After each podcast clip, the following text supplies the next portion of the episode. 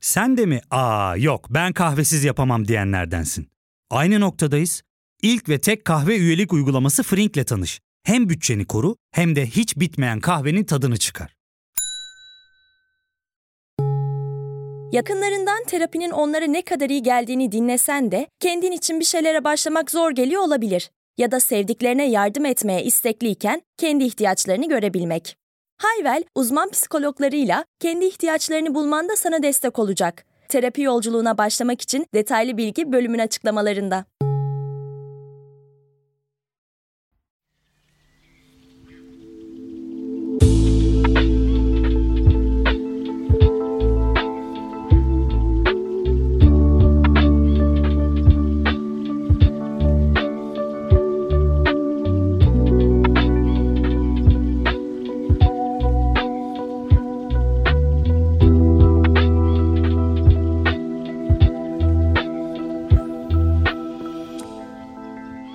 Herkese merhaba. Mücadele sohbetlerinin bu yeni bölümünde karşımda çok sevdiğim Bahar Eriş var. Bahar'ı nasıl tanıtayım size diye düşünüyorum. Bir yandan ben kendisini kendi o yazar, eğitmen kimlikleriyle tabii ki sizler gibi ben de tanıyorum. Ama bir yandan da benim için böyle çok fazla yüz yüze denk gelemesek de sanki böyle çok yakından tanıyormuşum gibi hissettiğim bir insan. Yani biz bugüne kadar birkaç kere yüz yüze oturduk. Ama her seferinde bana çok böyle samimi hissettiren biri. O yüzden bugünkü sohbet için ben çok heyecanlıyım. Hoş geldin Bahar'cığım. Hoş bulduk Gizemcim. Teşekkür ederim davetimi kabul ettiğin için. Ben teşekkür ediyorum. Seninle buluşmak her zaman çok güzel. Çok teşekkürler. Bugün mücadele hakkında konuşacağız Bahar'la birlikte. Podcast'a başlamadan önce de biraz konuşuyorduk hangi mücadelelerden bahsetsek diye. Benim Bahar'a sorularım var ama Bahar şunu söyleyeyim sana. Önce şu soruyu sorayım. Mücadele deyince aklına ne geliyor? Ya Gizem şimdi sen benim bu programa davet ettiğin için ben de dün akşam bir arkadaşımla buluştuğumda ona şöyle söyledim. Yarın mücadeleyle ilgili podcast'e gideceğim ama benim hayatta bir mücadelem pek yok gibi ne yapacağız şimdi? Tabii bu muhtemelen çok doğru da değildir. Ben öyle düşünüyorumdur. Biraz onun üzerinden de konuştuk. Sonra konuştukça konuştukça yok ya dedik var yani. Mücadele... Ya ben mücadele ediyormuşum. evet evet ben mücadele ediyormuşum. Çünkü şunu söylüyordum ona. Zaten hayat bir mücadele, çok klişeyimdir. Hayat zaten bir mücadele. Zaten içerisinde zorluklar olacak, güçlükler olacak, engeller olacak. Ben bunları mücadele olarak tanımlamıyorum. Çünkü mücadele çok yüklü bir kelime ya. Çok sanki orada daha fazla bir anlam var gibi, bir savaş var, aktif olarak bir şeye savaş açmışsın gibi hissediyorum. Ben öyle yaşamıyorum hayatımı normal günlük yaşantının içerisinde bu ülkede yaşayan bir vatandaş olarak hepimizin verdiği mücadeleleri. mücadele var. Evet veriyorum. Sonra işte konuştukça konuştukça daha ziyade mücadelelerimin içsel mücadeleler olduğuna karar verdim. Hani bir yazar olmaya çalışma yolculuğunda yaşadığım bir mücadele var daha ziyade. Bir de hayatımın en zorlu dönemlerinden biri olan doktora yılları geldi aklıma. Onu da seninle birazcık Evet evet birazdan dertleşelim konuştuk. senin onun evet. hakkında. Dolayısıyla bilmiyorum bazı kelimeleri de konuştuk dün. Hani sanki çok mu fazla o kelimeleri kullanıyoruz. O yüzden mi hayatı kendimiz için daha zorlaştırıyoruz diye travma da böyle bir kelime. Doğru. Her şeye travma demek sanki bir moda haline geldi.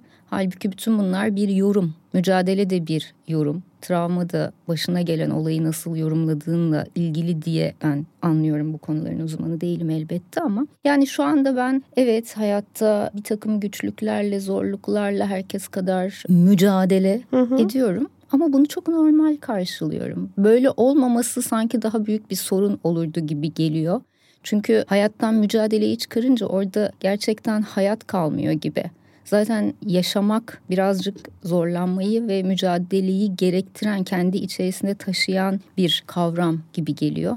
Bunlar geldi aklıma ilk etapta ama senin sorularınla birazcık daha şekilli bir biçimde konuşabiliriz belki. Ben çok mutlu olmazdım bunu dile getirdiğine. Çünkü mücadele sohbetlerini insanların şey gibi algılamasını ben istemiyorum. Yani Allah'ım ne zorluklardan geçmiş bu insan da şimdi bu podcast'te gibi algılamasını zaten istemiyorum. Çünkü mücadele dediğimiz şey az önce seninle podcast'ın önce konuştuklarımızı buraya dahil ederiz. Doktora döneminde yaşadıklarımız falan. Bence aslında o herkesin başına gelebilen veya işte tam senin söylediğin gibi yaşamın kendi içerisine verdiğimiz mücadeleler biraz içinde yalnız hissettiğimiz bazen hı hı. ya da sadece ben zorlanıyorum gibi hissettiğimiz aslında ama birçoğumuzun ortak deneyimi olan o mücadeleler bana çok kıymetli geliyor. Evet. Yani sen bugün mesela 11 kitap yazarısın hı hı. ve belki biri ya işte bu kadın da kitap yazıyor diye düşünüyor. Ben bunu böyle çok değerli buluyorum. Seninle onu konuştuk ya bence kitap yazmak benim için çok büyük bir mücadele mesela. Yani yazamadığımı düşününce benim için çok büyük bir mücadele. Mesela senin bunu yapabiliyor olman benim için senin başarabildiğin ve benim zorlandığım bir alan. Ya da evet. mesela dışarıdan bakıldığında ikimiz de işte mesela Amerika'da okumuşuz, doktoramızı yapmışız. Aa işte hatta böyle tuzları kuru bunlar böyle orada okuyorlar diye baktıkları ama içinde bizim çok zorlu günlerden geçtiğimiz sadece şey değil hani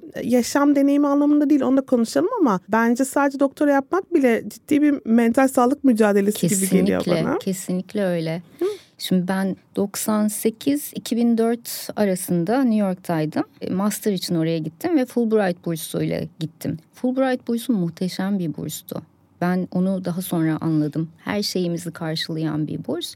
O burs bittikten sonra başarılı oldum. Bölüm birincisi oldum orada ve bana Süper. okul dedi ki sana doktora bursu verelim. Ben de alışmışım ya oh bursla okuyorum.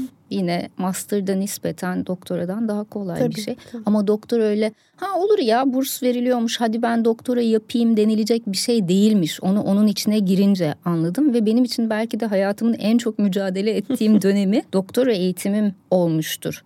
Dediğin gibi hani doktora yapmak kendi içerisinde çok büyük bir işmiş. Ben bunu ancak içine girdikten sonra anladım.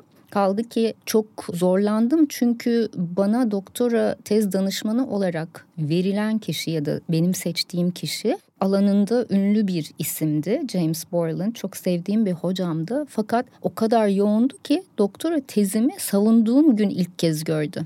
Bir de benim böyle ekstra bir mücadelem Gerçekten. var. Biliyorsun tez yazmanın ne kadar zorlu bir süreç olduğunu ve ne kadar çok yardıma muhtaç olduğunu aslında. Tabii. Neyse ki ikinci bir danışman vardı o kişi devreye girene kadar ben çok tek başıma kaldım doktora sürecimde. Zaten hani New York'tayım, uzaktayım, yalnızım, yoksul bir öğrenciyim. Bu Fulbright bursu gibi değildi okulun verdiği burs. Aynı anda ben bebek bakıcılığı yapıyordum, garsonluk yapıyordum, yer göstericilik yapıyordum. Doktora yaparken ek işlerde de çalışıyordum hayatımı idame ettirmek için. Ama şimdi laf lafı açıyor. Seninle az önce de konuşurken o günleri hatırlarken böyle birazcık da evet çok zordu ama güzel de bir tarafı vardı o acıyı çekmenin. Şimdi hatırlayınca tamamen böyle ne kadar zor günlerdi, ne acıydı, ne çektim duygusuyla değil de iyi ki onları yaşamışım düşüncesiyle hatırlıyorum. Ve birazcık da bu zamanda bu mücadeleden yoksun kalan çocuklar için üzülüyorum. Benim ailem de korumacı bir ailedir. Çocuklukta pek sorumluluk evin içerisinde vermediler bana. Sen dersine çalış kızım yeter. Dolayısıyla ben evin içinde pek iş yapmayı, çamaşır yıkamayı, yemek yapmayı, kendi işimi kendim halletmeyi bilerek büyümedim bu bir noktada size ağır gelmeye başlıyor. O yüzden bir çocuğun ailesinden uzaklaşmasının ve biraz kendi başına kalıp mücadele etmesinin çok değerli olduğunu düşünüyorum. Ben bunu ancak 26 yaşımda Amerika'ya gittiğimde yaşayabildim. 6 yıl boyunca ailemden uzakta kaldım böyle ilk çamaşır yıkama deneyimim sanki atomu parçalıyorum. O kadar büyük bir gurur. Çünkü o güne kadar çamaşır yıkamamışım. Bu çok ayıp da bir şey. Ama işte insan öyle öyle kendini tanımaya, gerçek bir özgüven inşa etmeye, hayatı tanımaya başlıyor.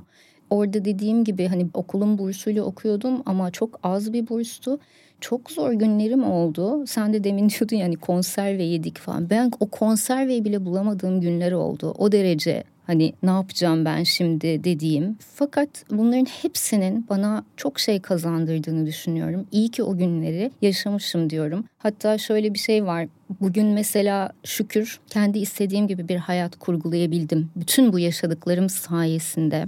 İstediğim şekilde çalışıyorum, kitap okuyorum, geziyorum ve birileri buna bakıp o hayat sana güzel diyor. Ben de diyorum ki hayatın bana güzel olması için bugün bir dönem bana hayat hiç güzel olmadı. Bunun bedelini ödedim. Çünkü demin de anlattığım mesela işte o doktora zamanı azıcık bir param var. Önümde bir seçenek vardı hatırlıyorum kış zamanıydı. Ya annemleri görmeye ülkeme gelecektim. İnsan özlüyor ailesini, arkadaşlarını o kadar uzakta kalınca. Ya da bilgisayarım yoktu. O para bir bilgisayara yetiyordu. Bilgisayar alacaktım. Bilgisayarım olmadığı için kaldığım yurdun en tepesinde böyle tavan arası gibi bir yerde üç tane bilgisayar var. Buz gibi. Oraya gidip her gün tez yazmaya çalışıyordum ama titreyerek böyle üstümde battaniyelerle. Öyle tez mi yazılır şimdi birçok insan için? Bu çok büyük bir konforsuzluk. Hele bu zamanda o kadar konfor alışkın ki insanlar. Ama öyle öyle öyle öyle. Sonunda bir seçim yaptım ve dedim ki ailemi görmeyeyim ben hani kısa vadeli hazlar yerine uzun vadeli kazançları tercih ederek bir bilgisayar aldım ve de tezimi tam zamanında bu şekliyle tamamlayabildim. Yani hayat bana eğer güzelse, hayatın bana güzel olmasına yönelik çok da güzel olmayan seçimler yaptığım için diye de düşünüyorum. Bir de şunu eklemek istiyorum. Herkes bu mücadeleyi o dönem veremedi. Benim çok sevdiğim arkadaşlarım vardı orada. Onlar da benzer aşamalardan geçerek oralara kadar gelmişlerdi. Düşünsene çok iyi okullarda okuyorsun, sınavlara giriyorsun, sınavlarda başarılı oluyorsun, sana burslar veriliyor ve ilk kez ailenden ayrılıp başka bir ülkeye geliyorsun. Fakat o da ne? Sen tek başına yaşamayı öğrenmemişsin, bilmiyorsun ve bunu duygusal olarak kaldıramadığın için her şeyi bırakıp tekrar geri dönüyorsun. Bu bana acıklı geliyor. Ben bugün okullara gidiyorum, ebeveynlerle konuşmaya, çocuklarla konuşmaya. Hep aynı şeyi söylüyorum. Ne olursunuz çocuklarınızın biraz zorlanmasına şimdiden izin verin. Bırakın şimdiden düşsünler ki nasıl kalkabileceklerini öğrensinler. Çünkü bir insan ayağa kalkabilmek için nasıl düştüğünü görebilmeli. Ama ebeveynler çocuklarının düşmemesi için ellerinden geleni yapıyorlar. Ama o düşüş bir noktada gerçekleşecek bu hayatta. Tabii ki. Bir noktada gerçekleşecek. O yüzden de ben iyi ki gitmişim diyorum. İyi ki o zor günleri yaşamışım şimdi hani bir takım şeyleri kendi kendime şu an kendi ayakları üzerinde durmaya çalışan, kendi hayatını tamamen yükünü kendi taşıyan tabii ki etrafta ailem, arkadaşlarım var şükür ama bunları yapabiliyorsam o zorluklara borçluyum. Bence hani mücadele iyi bir şey. Onu demeye çalışıyorum. Aslında Bahar'cığım yani ben bunları mücadeleden sayıyorum mesela. Hı-hı. Yani evet mücadeleye sanki kelime olarak çok büyük bir anlam yüklüyor Hı-hı. bazılarımız. Bazen hepimiz yani. Ama bana mesela bu anlattı senin bugün olduğun kadını oluşturan çok önemli bir mücadele gibi geliyor. Yani hı hı.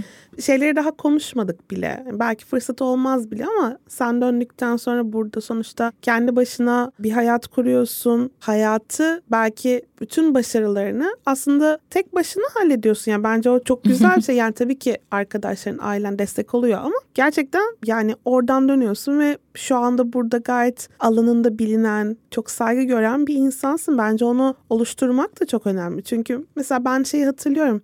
Ben döneli dört buçuk sene oldu. Dört buçuk sene önce döndüğümde gerçekten kimseyi tanımıyordum ve kimse de beni tanımıyordu doğal olarak. Ve oradan sıfırdan bir şey kurmaya çalışmak da çok zor. Ve sen de bunu yaptın yani. Bu da mesela bence apayrı bir mücadele. Bak bunu konuşmadık podcast'ten önce. evet. Tam sıfırdan mı kurdum emin değilim. Ben şöyle söyleyeyim kendimle ilgili gurur duyduğum bir şey varsa o da hayatta hep iç sesimi en tepeye oturtup kendi istediğim yoldan ilerlemiş olmaktır. Amerika'ya gitmeden önce, o bursu almadan önce ben burada çalışıyordum zaten. Simultane tercümanım ben. Ve simultane çeviriyi 3 yıldır yapıyordum aşağı yukarı. Çok da güzel bir hayatım vardı. Yani gayet iyi kazanıyordum. Şey de çok komik Gizem. Simultane çevirmenliğe ben 15 yaşımdayken karar verdim. Gerçekten mi? Çok seviyordum İngilizceyi. Ne yapsam hayatta diye düşünmeye o yaşta başlayabilmişim. Ve gazetede bir haber okumuştum. Her yeri geziyorsun, her seferinde ayrı bir konu masa başı iş değil, her gün yabancı dil. Tamam dedim, aranan kan bulundu. 18 yaşıma kadar düzenli olarak sınava çalıştım. Böyle benim için disiplin, düzen bunlar çok önemli şeyler. Hatta Türkiye ikincisi oldum. Wow. O kadar düzenli çalışmışım ki. Hep de mesela çocuklara onu anlatıyorum. Bakın ben bile Türkiye ikincisi olduysam çünkü zeki bir insan olduğumu asla düşünmüyorum. Sadece çalışarak bazı şeylere ulaştığımı dakika, buna karşı çıkmak zorundayım. Yani hayır, hayır, sen gerçek... kendin de karşı çıkmalısın buna ama. Yani zeka gerçekten aslında o disiplini ve motivasyonu sağlamak da bir zeka çeşidi aslında. İşte onu demek istemiyorum. Hani zihinsel kapasitenin yüksek olmasından ziyade çalışma disiplininin ve iradenin olmasıyla ilgili bir durum bu. Biraz kaplumbağa tavşan hikayesi gibi. Tavşanın kapasitesi daha yüksek ama ben hikayedeki kaplumbağayım. Yavaş yavaş 3 yıl boyunca her gün çalışarak finish çizgisini geçtim gibi düşünebilirsin simultane tercümanlık bölümünü seçerken etrafta el alem terör örgütü ETÖ diyorum ben onlara. Sen devlet memuru çocuğusun, simultane çevirmenlikte neymiş, kim yapıyormuş onu da sen mi yapacaksın zengin kızları için o diye bir koro yükselmişti. Ben koroyu dinleyip yine kendi yolumdan ilerledim ve tercüman oldum dört yıl boyunca üniversitede okuduktan sonra. Çok güzel bir hayattı o zaman. Çok az kişiydik çok niş bir alandı. Şimdi biraz daha genişledi. Ve işte bayağı iyi kazanınca sonra karşıma Dünya Üstün Yetenekli Çocuklar Konseyi'nin konferansı çıktı. Üç gün boyunca onların çevirisini yaptım. Aa dedim ne kadar enteresan. ben tekrar acaba hani bunu mu denesem okula mı dönsem ama tabii kendi imkanlarımla gitmem yine mümkün olmadığı için Fulbright bursuna da başvurmuştum. O zaman o aynı koro böyle güzel iş bırakılır. ya simultane çevirmenlik gibi mis gibi iş var. Yani insanlar sürekli olarak sana bir şey söylüyorlar. Bak bu da Türkiye'de ayrı bir mücadele, Başka mücadele alanı. kesinlikle. Gerçekten ETÖ'dür. Türkiye'nin en büyük mücadelelerinden biri. El alem terör örgütüdür. Çünkü sürekli bir fikirleri vardır. Ve annemi babamı asla bunun dışında tutuyorum. Kesinlikle dışında tutuyorum. Onlar hiçbir zaman böyle bir baskı yapmadıkları gibi. Ben yolumu seçmek istiyorum. Bu yolda ilerleyeceğim dediğimde de tamam sen bilirsin deyip destek oldular. Ama onun dışındaki insanlardan söz ediyorum. O zaman da onun mücadelesini veriyorsun. Ya ben tekrar öğrenciliğe döneceğim. İyi ki de dönmüşüm. O kararı verebilmek de bir şey. Yani sürekli etraftaki insanların sesleriyle de mücadele etmek gerekiyor bu ülkede. Hani kendi başına bir kadının bir şeyleri yapması çok da kolay olmuyor. Ben evliydim, boşandım. Evlenirken ayrı bir mücadele biliyorsun yine sesler yükseliyor. Boşanırken ayrı bir mücadele yine sesler yükseliyor. O yüzden kadın ya da erkek bu ülkede birey olabilmek bence çok bir zor, mücadele gibi gerçekten görüyorum. Öyle. O anlamda evet hep yine kendi iç sesimi dinleyerek o yolda ilerlemiş olmaktan dolayı mutlu hissediyorum bu anlattığın hikayede bir şey daha dikkatimi çekti. Yani bence çok bir sürü önemli nokta var ama şunu da bir konuşalım isterim. Çünkü çok üzerine konuşulmayan bir konu bence.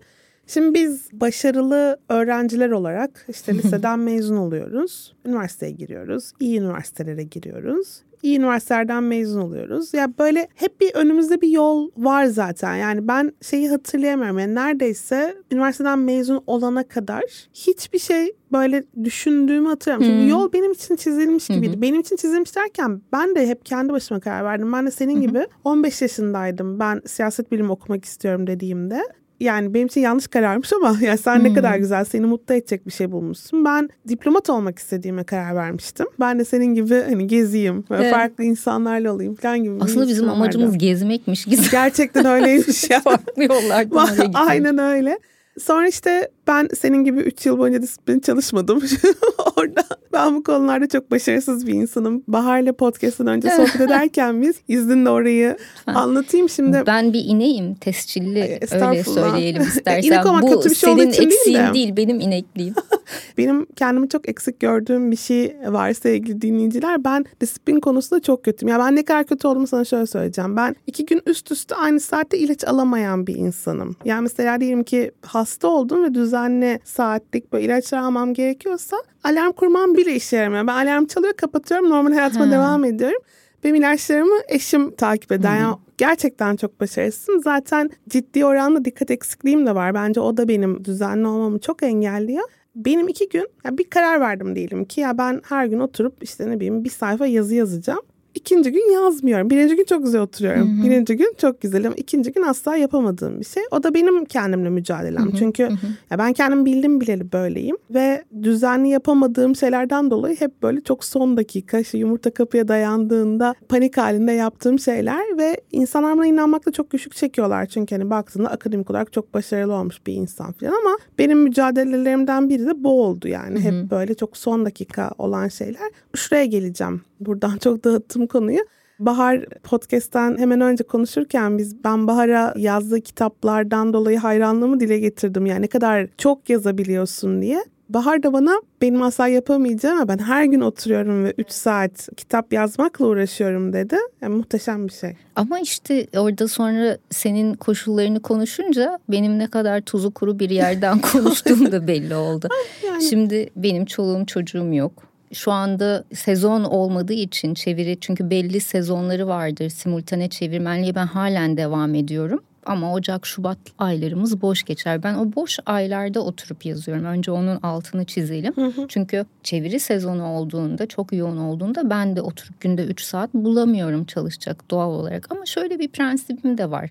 O yoğun günlerde bile benim dosyam her zaman için bilgisayarımda sekmesi açıktır. Ben o dosyanın içerisinde her gün girip merhaba derim. Bir cümle olsa bile, bir fikir bile olsa oraya yazarım. Orayı soğutmak istemem eğer bir yazma sürecine girdiysem. Bu birazcık o kasları çocukluktan itibaren geliştirmiş olmakla ilgili. Yani çocuklarla, gençlerle bir araya geldiğimde de her zaman için alışkanlığın iradeden daha güçlü bir mekanizma olduğunu ve bu alışkanlığı oluşturmaya çalışmalarının iradeyi devreye sokma gerekliliğini ortadan kaldıracağını anlatmaya çalışıyorum. Çünkü o kasları geliştirdikçe artık senin o masa başına oturmak için içinde o mücadeleyi vermen gerekmiyor. Birazcık otomatikleşiyor bazı şeyler. Yani sabah kalkarsın, bilgisayarını açarsın ve yazmaya başlarsın gibi. Hani burada ben kendimi oraya gitmeye zorlamıyorum. Tabii burada şunun da etkisi var. Sevdiğim bir şey yapıyorum. Bu da çok önemli. İçsel motivasyon dediğimiz konu da çok önemli. Kimse beni yazar olmaya zorlamadı. Ben bunu içimden geldiği için yazmayı sevdiğim için de yapıyorum. Ama hani disiplin çok zor değil. Benim asıl orada seninle konuştuğum mücadelem başka bir tarafta. Disiplin konusunda, yazma konusunda, teknik puanlarda sorun yok da artistik puanlarla ilgili sıkıntım var birazcık. Çok güzel benzetme oldu bu ya gerçekten. Aynen öyle çünkü biliyorsun bir roman denemem oldu. Ona bir deneme diyorum. Tam olarak ona bir roman demek istemiyorum böyle özellikle sosyal medya ile birlikte daha da güçlenen bir eğitimci kimliği oldu. Hı hı. Orada bir personamız var biliyorsun hı hı. ve benim oradaki eğitimci personam daha didaktik bir yerden konuşup iyi eğitimle ilgili işte bilimsel bilgiler vermeye çalışan hani kendi çapında bu konulardaki bilinci yükseltmeye çalışan bir kişilik. Şimdi roman yazmaya çalışınca bu önüme bir handikap olarak çıktı. Biraz sahtekar hissetmeme yol açtı. Çünkü oradaki kitlem benim ebeveyn, özellikle anneler yüzde doksan anneler çocuklarının eğitimini takip ediyorlar. Bu bir gerçek. Keşke babalarda daha çok bak yine didaktik kısmımı devreye sokmadan yapamıyorum. Bunu anlatmaya çalışıyorum anladın mı? İlla bir mesaj vereceğim topluma faydalı. İşte roman yazarken de aynı sıkıntıyı sıkıntı diyorum buna yaşadığımı hissediyorum. Çünkü bir roman didaktik olmamalı. Fakat ben onu yazarken biliyordum o kitleye hitap edeceğimi. O yüzden hani bu alkışı nereden aldığını bilmek çok problemli bir şey. Ve bırakabilmek yeri evet, geldiğinde yani, değil mi? Evet alkışı aldığın yerden ayrılabilmek benim mücadelem. Çünkü özgürlük ve özgünlük ve gerçek yaratıcılık orada gelecek. Ya bu birazcık başarıyla yaratıcılık arasındaki ayrım gibi. Tabii. Ben o romanda hani belli bir düzeyde bir başarı yakalayacağını yazarken biliyordum. Çünkü kitlemi biliyorum, beni okuyan kişileri biliyorum. Bu bence çok büyük bir üçkağıtçılık gibi geliyor bir taraftan. Ama yani yazarken de mutlulukla yazdım. Hani öyle şey değil. O çok küçük hesaplara girerek falan yazmış değilim. Güzel oldu ya falan diyerek. Bu arada yazdığım hiçbir şeyi geriye dönük okuyamıyorum. Korkunç kötü geliyor bana. Gerçekten ben hiçbir... de podcast'ımı dinleyemiyorum bu arada. Belli ki öyle bir şey var. Ama işte kafandaki o endişeleri bıraktığın zaman gerçekten içindeki potansiyelin ortaya çıkabileceğini düşünüyorum. Benim asıl içsel olarak yazarlıktaki mücadelem sanıyorum orada. Bir gün oraya ulaşacağımı düşünüyorum. En azından bunları sorgulamaya devam ettiğim ve bunun farkında olduğum için mutluyum. Ama gerçekten böyle kim ne der diye düşünmeden gerçekten içimden öyle aktığı için bir roman yazabilmeyi bir gün çok istiyorum. Bunu nasıl başaracağım bilmiyorum. Çok fazla o dünyayla iç içe olduğun zaman kendini ne kadar ayrıştırabilirsin gerçek anlamda ondan emin olamıyorum. Belki gerçekten yine hani ailemden uzaklaşmıştım ya 6 yıl boyunca. Hı hı. Belki o ortamdan da uzaklaşmak. İçe dönüş gerçekten hani çok konuşulan ama çok azımızın yapabildiği Tabii. bir şey. Benim de hep söylediğim insanın yaratıcılık için biraz içine dönmesi lazım. Çok kullandığım bir cümle. Bunu kendim de yapabilmeyi umuyorum. Yani kendi verdiğim oradaki didaktik mesajları okuyup bir gün kendi hayatıma da uygulayabilmeyi diliyorum. Öyle söyleyeyim. Ya fark ettin mi? Biz en çok kahveye para harcıyoruz. Yok abi, bundan sonra günde bir. Aa, sen Frink kullanmıyor musun? Nasıl yani? Yani kahvenden kısmına gerek yok.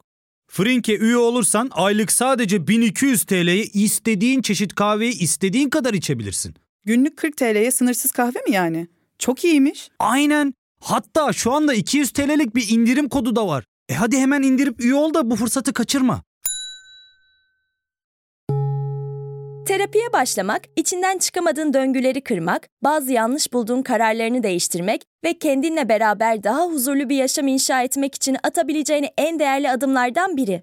Hayvel ile yoğun yaşam tempona uyum sağlayarak online terapi seanslarını takvimine göre ayarlayabilirsin. Bini aşkın uzmandan sana en uygun terapisti seçebilir, PodB10 koduyla indirimden yararlanabilirsin. Detaylı bilgi açıklamalardaki bağlantıda.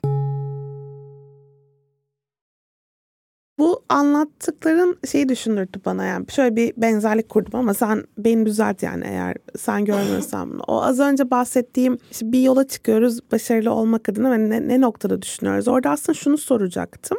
Ben de dağıldım ondan sonra. Yani mesela sen bitirmişsin bölümünü ve ondan sonra 3 sene mesleğinde çalışmışsın. Evet. Arkasından Hı-hı. bir şey keşfetmişsin. Hoşuna giden ve oraya evrilmeye karar vermişsin. Evet. Sanki böyle en azından belki bizim nesilde bize çizilen yolda böyle çok koştura koştura koştura gidiyorduk. Bana da öyle oldu. Ya ben mezun oldum ve bir anda böyle gerçekten popo üstü ben ne yapıyor ben? ne, yapıyor? ne oluyor ya? Bir de ben hani çok da düşünmedim. MBA yapmaya falan başladım. MBA'nin tam ortasındaydım. O bana dank etti ya ben hiç mutlu değilim. Ben hiç asla hmm. sevdiğim şeyi hmm. yapmıyorum. Ben psikolojiyi çok severim. Çok severek hani dahil ettim onu hayatıma. Ben Hı-hı. ne arıyorum burada Hı-hı. gibi bir hmm. duygu beni çarptı ve ondan sonra ben de zaten hayatımın yani yolunu değiştirdim ve ben de gittiğimde ve master yapmaya başladım 26 yaşındaydım. Yani evet. O da bir cesaret aslında. Yani Tabii. bizim bizim nesil için en azından Tabii cesaretti. Ki. Sen de öyle yapmışsın. Bir şeyleri bırakıp baştan başlayabilmek. Elbette. Ya o cesaret kısmı işin çok önemli. Bütün bu hikayelerde. Ama bak işte buradan da senin şeyine bağlayacağım. Yani o kitapla ilgili meselene bağlayacağım. Aslında orada sen bu Eto'dan evet, bahsettin ya. Evet. Yani aslında bu kitap kitaptaki özgünlüğüne bloklayan da sanki Eto yine gibi değil mi? evet ama o kendi içimde sanıyorum yaratıyorum onu. Hani kimse sonuçta kitabı sen kendi isteğinle yazıyorsun artık hani bir yere de geldikten sonra.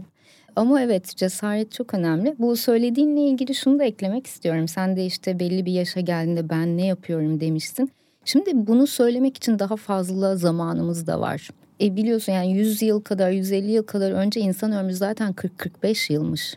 Düşünsene 40 yaşına geliyorsun ve bir dakika ben bu hayatta ne yaptım dediğin zaman zaten ertesi gün ruhuna el Fatiha. Ama şu anda ömürler iki katına çıkmış durumda. Tabii. Ve yine insan o orta yaşa geldiği zaman o sorgulamayı yapıyor. Mesela özellikle kadınlar söz konusu olduğunda araya evlilik, çocuk girdiğinde ve bunun sorumluluğu maalesef hala çoğunlukla kadının üzerinde olduğundan o kadınların o soruyu sorması biraz daha artık kırklı yaşlara doğru oluyor. Hani çocuklar birazcık daha büyümüş veya işte evden ayrılmış olduğu noktada bir dakika ben bu hayatta ne yapıyorum sorusunu. Bence bu soruyu insan hayatının herhangi bir zamanında sormalı, sorgulamalı. Öbür türlü yani bir şeyin içerisinde ilerliyorsun ve mutlu musun, değil misin, istiyor musun, istemiyor musun? Bu sorgulamayı yapmadan yaşamak bana çok boşa yaşanmış bir hayat gibi geliyor. Bunu çok büyük bir içtenlikle söylüyorum. Bu hayatı böyle yaşamış bir insan olarak gençlerle bir araya geldiğimde de bunu söylemeye çalışıyorum.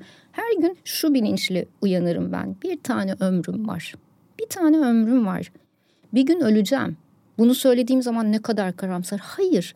Bir gün öleceğim düşüncesi kadar beni hayata bağlayan bir düşünce yok. Yani o yüzden ben bugünümü, bu yılımı bile değil, bugünümü gerçekten yaşanmaya değer bir gün kılmalıyım. Aynı şekilde sadece iş bağlamında değil, kimseyle küs olmamak. Yahu zaten bir tane ömrümüz var. Niye bu kadar kendimizi abartıyoruz ki? O yoldan çıkıp öbür yola girsem ne olacak? Yani evet çok iyi para kazandığım bir dönemde o paraları bırakıp gitmem birçok insanın sinirini bozmuş olabilir ama bir kayıp değildi benim için.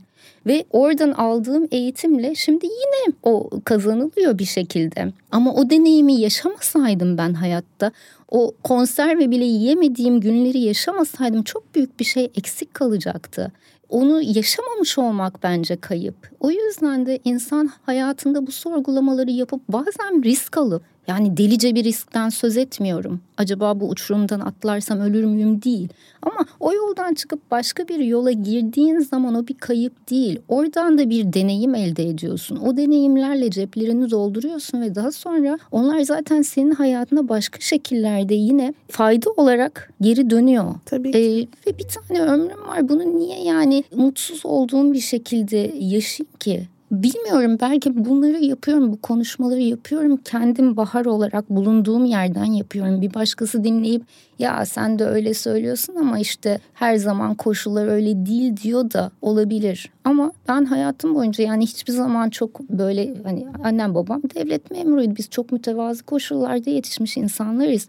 Hani sen bunu söylüyorsun çünkü annen şöyle babam böyle sırtında böyle bir destek var. Öyle bir yerden söylemiyorum. Öyle bir lüks içinde hiçbir zaman yaşamadım. Ama bence insanın o sorgulamayı yapması, o yoldan çıkması, yeni bir yola girmesi yaşamaktır. Bir tane ömrüm var onu yaşamak istiyorum ben. Yaşamak istiyorum. Söylediklerin yine bir sürü şey canlandırdı gözümde. Yani bir tanesi şu Esat Hoca ile yaptığımız söyleşte de şundan bahsetmiştik. Yani aslında ne zaman ömrümüzün biteceğini bilmiyor olmak aslında bir yandan da müthiş bir şey getiriyor. Yani söylediğin gibi ben mesela Amerika'dan Türkiye'ye dönme kararını bu şekilde verdim. Hmm. Yani şu şunu düşündüm. Bugün bir şey olsa ve ben öğrensem ki 6 ay ömrüm kaldı ne yapardım? Hı Ve benim için cevap çok netti. Amerika'da yaşamaya devam etmezdim. Hı hı. Ondan sonra dedim ki o zaman ben burada bir işim yok yani belli ki benim dönmem gerekiyor. Ya da hani bazen bazı kararları verirken hala bunu yapıyorum. Ben şu anda 6 ay sonra bunu yapıyor olmak ister miyim gerçekten? Ya da hani evet, bunlar ömrümün son günleri olsa ben yine bunları mı yapıyor olmak hı hı, isterdim? Hı. Ve o reality check diyelim belki. Bence çok önemli. Yani Kesinlikle. ben şu anda istediğim gibi bir hayatı yaşıyor muyum? Buradan da ikinci o getirdiğin noktaya da bağlamak istiyorum. Yani dedin ki ben hani iki devlet memurunun çocuğuydum aslında çok imkanım ama bence senin çok büyük bir imkanın vardı. Hı. Ve aynı imkanı ben kendimde de görüyorum Hı. çok şükür arkamızda olmayı başarabilen ebeveynler. Çok doğru. Yani bu mesela bence o cesareti gösterebilmemizde hayatta verdiğimiz. Ben de çünkü çok dümdüz gittiğim yollardan çok çıktım ve artık bunu yapmıyorum dedim ve onu derken ekonomik kaygıları hep güttüm o apayrı ama hani en azından ya başıma bir şey gelirse en azından hani sığınabileceğim birileri var duygusuna. Güvenli limanım var. Güvenli limanım var. Annem, babam, hani benim durumumda eşim ve bana o hissi gerçekten veren insanlardı ve bence bu beni çok güçlü yaptı. Evet ya ben şimdi mesela annemle babamla konuşunca şunu görüyorum. Aslında çok kaygılanmışlar. Çok Tabii. kaygılı ama bana onu hissettirmediler. Ben oradan o kaygıyı değil, biz senin yanındayız duygusunu aldım. Kim bilir onlar ne fırtınalar yaşadılar içlerinde. Kolay mı? Tabii. Bir de o zaman düşünsene telefon falan bile yok. Cep telefonu yok. Biz haftada bir görüşüyorduk. Öyle bir durum. Bir gerçekliğe oturtmak için dinleyicilerimiz de çünkü çok genç dinleyicilerimiz de var. Yani ben şeyi söylemek istiyorum. Ben 2008'de Amerika'ya gittiğimde daha iPhone yeni çıkmıştı. 2007'de mi ne çıktı iPhone yani? O, Vallahi yani, ben gittiğimde internet falan yeni yani şey yapamayabilir çünkü şu andaki hani şu anda FaceTime'dan chat diye arıyoruz konuşuyoruz Skype'la. Ben şeyi çok iyi hatırlıyorum. Babamları ilk aradım Skype'tan. İşte Amerika'ya ilk gittiğimiz hafta. Babam kızım kapatalım diye ben dedim ki babacığım yok yok, yok internetten konuşuyoruz. Yazar. Hani yazmıyor şu anda falan. Ve babam uzun süre inanmamış. Uzun süre faturayı beklemiş ah gelmesini. Ya, çok şeker. ya gerçekten çok tatlı bir hikayedir bu. Yani onlar için çok büyük bir şeydi. Yani çocukları gitmiş ve konuşabiliyorlar. Ve bunu göze almışlardı aslında evet. yani. Ya şeyi hatırlıyorum şimdi sen bunları söyleyince anılar canlanıyor. New York hayalim benim zaten bir kitapta hazırlık sınıfında gördüğüm bir Manhattan fotoğrafıyla başladı. Hatırlıyorum Target diye bir ders kitabımız vardı. Orada bir aile vardı. Ailenin oğlu Manhattan'da Diner diye bir yerde. Bakın böyle yüksekse o zaman gökdelen falan da yoktu Türkiye'de Tabii. doğru düzgün. Böyle gökdelenler var. İşte ilginç yüksek tabureler, stool denilen. Bambaşka bir dünya ve ben hayal kurmaya başladım. Neyse işte sonra bu burs murs falan olayları olmadan önce o kadar merak ediyorum ki New York'a. Para falan biriktirdim ben ders veriyordum. Üniversite birinci sınıftan itibaren hep kendi paramı kazanma peşindeydim. O paraları biriktirdim ve New York yolculuğu yapacak kadar. Fakat şöyle bir sorun var. Hayatımda daha yurt dışına çıkmamışım ve New York'a gideceğim ve aileme bunu söylemek zorundayım. Ben ilk önce gittim pasaportumu falan çıkardım. Her şeyi kendim bir hallettim. Her şeyimi aldım. En son aşama hani en sonda o kırmızı dev adamları yenme aşaması var ya orada ailemin karşısına çıkıp ben gideceğim New York'a bir bakacağım burası okuyabileceğim bir yer mi diye merak ediyorum gerçekten. Bir akşam vaktiydi. Annemle babam salonda televizyon izliyorlar. Ben cesareti topladım. Babamın karşısına çıktım. Baba dedim ben karar verdim New York'a gideceğim. Pasaportumu da aldım. Okullara bakmak istiyorum. Düşünsene daha bakkala bile göndermeye çekindiğin bir çocuğun New York'a gideceğim diyor mesela. Şimdi böyle şey bekliyorum çok apart. Annem böyle depar atacak. Babam dedi ki baktı şöyle. Tamam dedi sana bir harita alalım. Gerçekten ne güzel. Ya sana yani gelecek binlerce cümle arasından o zaman tabii ne telefon var ne navigasyon var bildiğin haritalar üzerinden hani yolda adamcağız şunu demeye çalışıyor en azından oralarda kaybolma kızım. Yani kitapta da yazmıştım hayatta sana şu yoldan gideceksin diyen bir baba yerine gittiğin yolda gel sana harita alalım diyen bir babaya sahip olmak gerçekten çok büyük bir şans. Ve ben gittim baktım New York Üniversitesi'ne girdim, araştırdım. Kolombiya'ya gittim, baktım. Öyle kararımı Hı-hı. verdim 15 Hı-hı. gün. Kendimi iyi de hissettim ailemden uzakta. Hayatta kalmayı başarabildim. İki hafta boyunca bir ön hazırlık gibi tabii, de oldu. Tabii. O yüzden aileme hep minnettarım. Dediğine geri gelecek olursak evet devlet memuru belli maddi imkanlar eksik olmuş olabilir. Her zaman da ellerinden gelenin en iyisini yaptılar ama en önemlisi ben o evin içerisinde her zaman sevgi ve güven hissettim. Her zaman evime gelmenin huzurunu hissettim. Her zaman anne babamın yanımda olduğunu, bütün dünya karşımda olsa bile anne babamın yanımda olduğunu bilmenin güvenini hissettim. Bir çocuğun bence dünyada sahip olabileceği daha büyük bir zenginlik yok. Bunun için minnettarım. Her zaman da anlatıyorum. Her zaman da onların hakkında böyle konuşuyorum. Çok şanslıyım. Çok büyük bir şans bu. Dediğin gibi bizler şanslıydık aslında. Bu bizim için şans. Bir yandan da yani sonuçta senin de bir ebeveyn kitlen var. Benim daha genç ve henüz ebeveyn olmamış büyük bir kısmı bir kitlen var. En azından onlara didaktik olacağız ya. Şöyle evet. bir, şöyle bir mesajı verebilmek isterim. Belki senin benim şansımızdı. Ama bugün ebeveyn olacakların ya da hali hazırda ebeveyn olmuş olacakların çocukların şansını yaratabilme imkanları var elinde. Evet. Yani çocuklarına onların hayalleri için, onların hedefleri için kuracakları cümleler, verecekleri desteğin şekli. Hı hı. Yani her şeyi değiştirebilir gerçekten. Orada mesela bu destek konusunda literatürde farklı destek türleri vardır. İşte hı hı. lojistik destek, finansal destek, ama en önemlisi duygusal destek. destek ben evet. buradayım. Yani Hı-hı. sen git tabii ki buradayım ben. En ufacık bir ihtiyacında ben buradayım. Tabii Ve ki. o onu hissettirdiğin zaman çocuğa bunu da şeye de bağlamak istiyorum. Dedin ya şimdiki çocukların mücadele etmesine izin vermiyoruz. Yani o her anını koruyalım. Aman muhteşem olsun. Çocuk düşmesin, çocuk şaşmasın, çocuk yanlış bir şey yapmasın. Buraya da özgü değil. Ben şeyi hatırlıyorum doktora yaparken biz lisans öğrencilerine işte ders anlattığımız dönemde Cornell'de veliler ya benim çocuğum neden B aldı da A almadı diye hocaları ararlardı. Oh. helikopter ebeveynliğin şeyi. Yani sen bunu yaptığın zaman üniversiteye giden bir çocuğuna o çocuğun hayatta hiçbir şey için mücadele etmemesini garantilemiş oluyorsun. Tabii. Acizsin diyorsun Acizsin. bir de çocuğuna. Aynen. Ya da mesela çocuk okulda bir problem yaşadığında bugün de yani hani gidip okulu tırnak içerisinde basan işte çocuğun kendi kavgasını vermesine izin vermeyen ebeveynler aslında çocuğa hiç iyi bir şey yapmıyorlar. Ya tabii canım çocuğa değil ya genel olarak dışarıdan baktığında çok korkunç bir tablo. Ya oraya geçiyorum. oraya geçiyorum. evet. Çocuğa da yani mesela şeyi çok önemsiyorum. Hani ben kendim de bir anne olarak mesela Defne okulda bir sorun yaşadığı zaman ve bana bunu gelip anlattığında içimde kopan hmm. fırtınayı biliyorum. Mesela diyelim ki bir arkadaşı onu üzdü. Ya içimden gerçekten şey geçiyor. Gideceğim o okula ve o çocuğa gününü göstereceğim. yani küçücük bir çocuk yani hani zaten böyle bir şey zaten yapmak hani doğru olduğu için değil ama o içimdeki o duyguyu biliyorum. Evet. Çünkü o senin çocuğun ve onu her şeyden korumak istiyorsun. Ama sonra ondansa tabii zaten bunu yapacağımdan değil ama ondansa çocuğa ya bak bir sürü seçenek var Hı hı. ve sen bu seçeneklerden bir tanesini seçebilecek kadar hem kendin hem arkadaşını çok iyi tanıyorsun. Ve sen hangi yolu seçersen seç o başarısız bile olsa yeni bir yöntem buluruz merak etme dediğin zaman aslında çocuğa muhteşem bir kuvvet vermiş oluyorsun. Tabii ki tabii ki. Ya kaldı ki hani bizim zamanımızda anne babalarımızın dediğin gibi bu tarzdan araçlara, cümlelere, yöntemlere erişimi bile Bilgileri asla yoktu, Yoktu. tabii ki. Aslında bazen bilmemeleri daha mı iyi diye yani onlar sadece ne yapıyorlardı? Hani evin içerisinde bir düzen var. Önüne üç öğün yemek konuluyor. Sevgi var, güven var. Geri kalanını da sana bırakıyor gibi.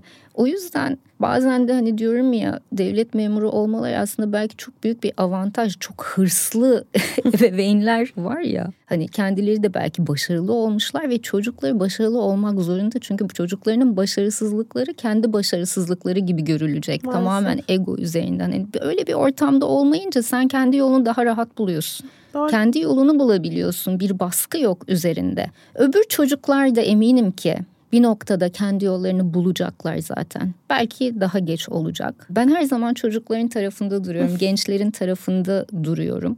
Ama bu tabii ki ebeveynler tarafından hoş karşılanmayabilir. Ama gerçekten insanın bir tane ömrü var. Gittiği bir tane yol olmak da zorunda değil. İnsan birçok yola da girip çıkacak hayatta. O yüzden hani ne böyle derbeder bir biçimde savrulmak. Hani en son bir kitap yazdım. Orada Sokrates insanın içindeki iç tehditler ve dış tehditlerden söz ediyor. İç tehditler dediği bir türlü bir hani odaklanamama diyeceğim ama o anlamda değil. Hani bir yola girememe, zamanını amaçsızca şey, aynen evet amaçsız bir biçimde boşa harcama işte sürekli belki bütün günün 8 saatini sosyal medyada YouTube'da TikTok'ta geçirmem hani böyle bir içsel tehditler var. Bir de öbür taraftaki tehdit de çok fazla böyle başarı, şöhret, servet bunları bir değer kabul edip hiç istemediğin halde içinde olmadığı halde o parayı getirecek, o başarıyı getirecek diye bir yola girme. Bunlar iki ayrı tehdit ama başka bir yol var. O da kendi iç sesini dinleyip kalbin ne için çarpıyor, kapasitelerin hangi alanda, karakterin neye müsait, bütün bunları bir değerlendirip bir yola çıkıp Yolda ara ara dinlenip bir dakika ya hani ben bu yolda mı ilerlemek istiyorum iyi gidiyor mu her şey diye o sorgulamayı yapıp devam etmek. Mutlu ve başarılı bir hayatın bu şekilde gelebileceğini kendi açımdan gördüm. O sorgulamaları zaman zaman yaptım. İşte klasik simultane çevirmenliği bırakınca niye bırakılıyor diyenler. Ondan sonra işte üniversitede akademisyenlik maceram var 12 yıl. Onu da bıraktım. Niye akademisyenliği bırakıyorsun o unvanlar bilmem neler. Çünkü oturdum tekrar o yolda ilerlerken bir kenara çektim. Ne yapmak istiyorum ben bu hayatta? Bunu mu istiyorum? Nasıl yaşamak istiyorum bu hayatı? Evet bir fayda sağlamak istiyorum bu doğru. Ama bunu bu yolla mı yapmak istiyorum? Başka bir yolu var bunun. Kitaplar yazabilirim. Yazmayı çok seviyorum. Bundan keyif alıyorum. Kendimi masa başına oturtmak bir efor değil. Kitap okumayı çok seviyorum. O yüzden dedim ki öyle bir hayat kurgulayacağım ki her gün kitap okuyacağım ve kitap yazacağım. Ben her gün mutlaka en az bir saat kitabımı okurum. Ne olursa olsun. Yapmazsam kendi hayat amacıma ihanet etmiş hissediyorum. Ve bugün böyle yaşıyorum. Çok mutluyum.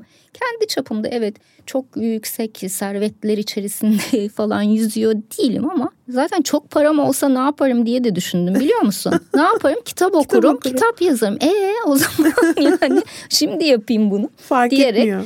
Evet yani bu sorgulamaları yapmanın değerli olduğunu düşünüyorum. Mücadelem yok dedim ya. Mücadelem yoktan kastettiğim şey bunlar. Acaba ben yaşamak istediğim gibi mi yaşıyorum? Sorgulamalarını yaptığım için yani onun mücadelesini vermiyorum. İstemediğim ilişkilerin içerisinde değilim. Onları hayatımdan çıkardım. O yüzden mücadele yok.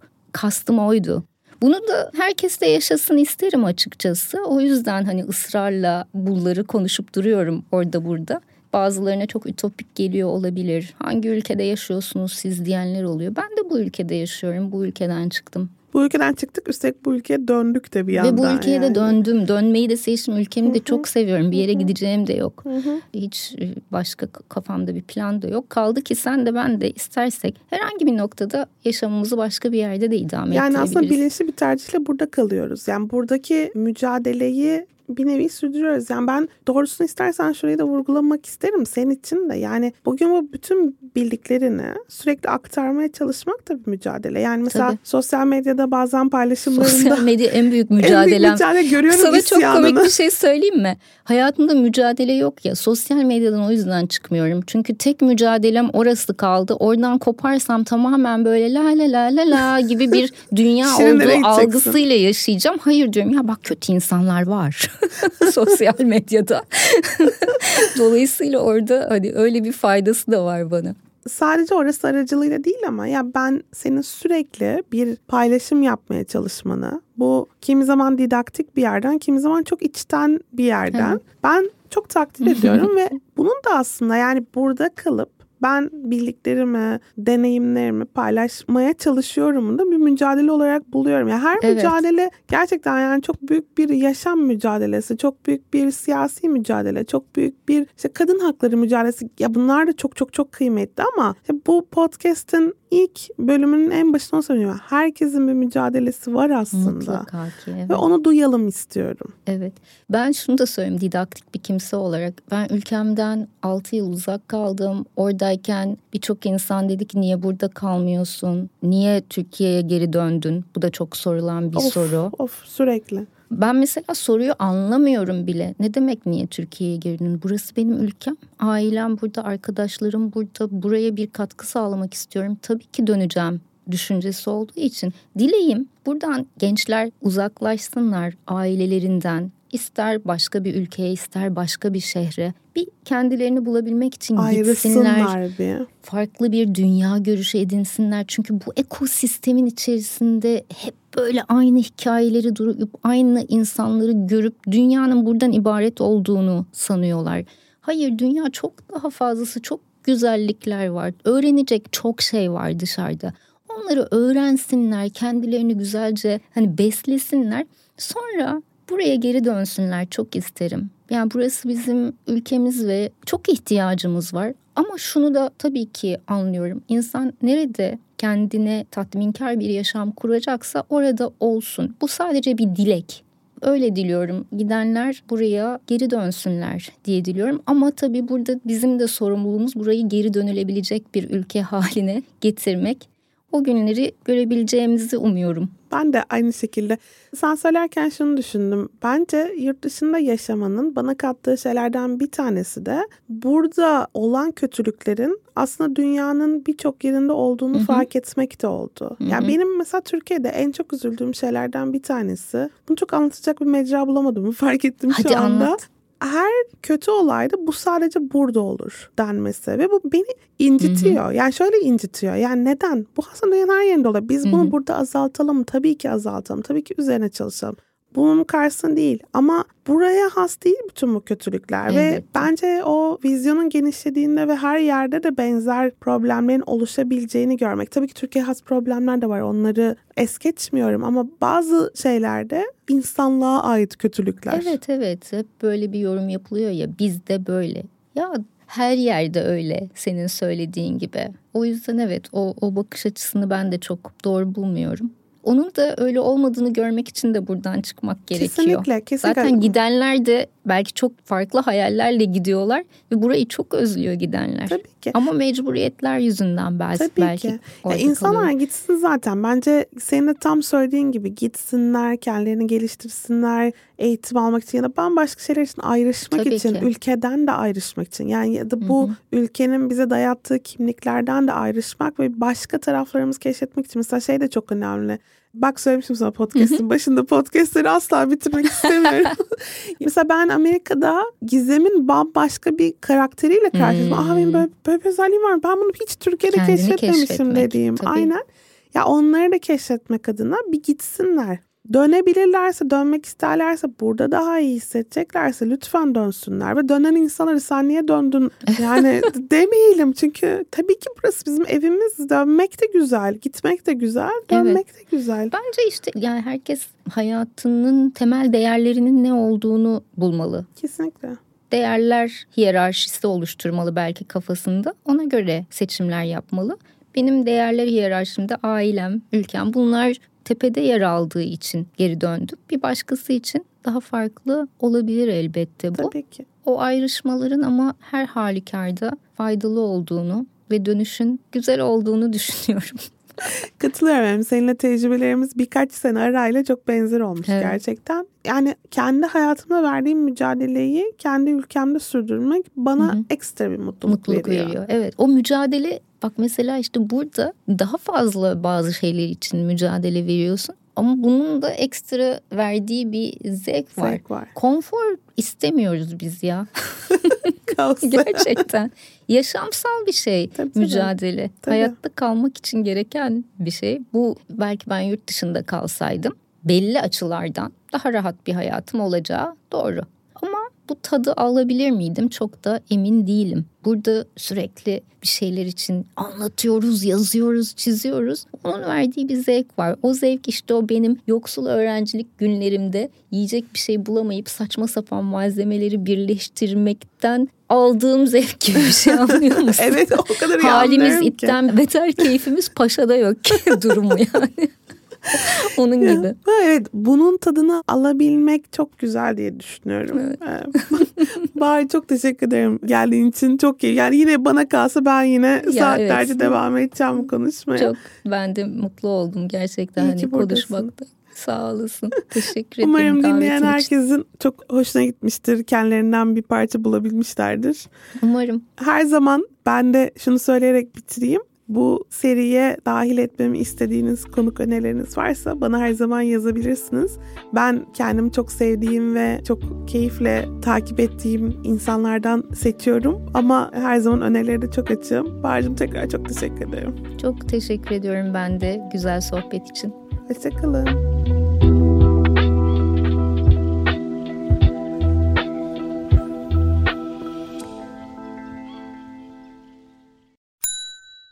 İlk ve tek kahve üyelik uygulaması Frink, 46 ildeki 500'den fazla noktada seni bekliyor.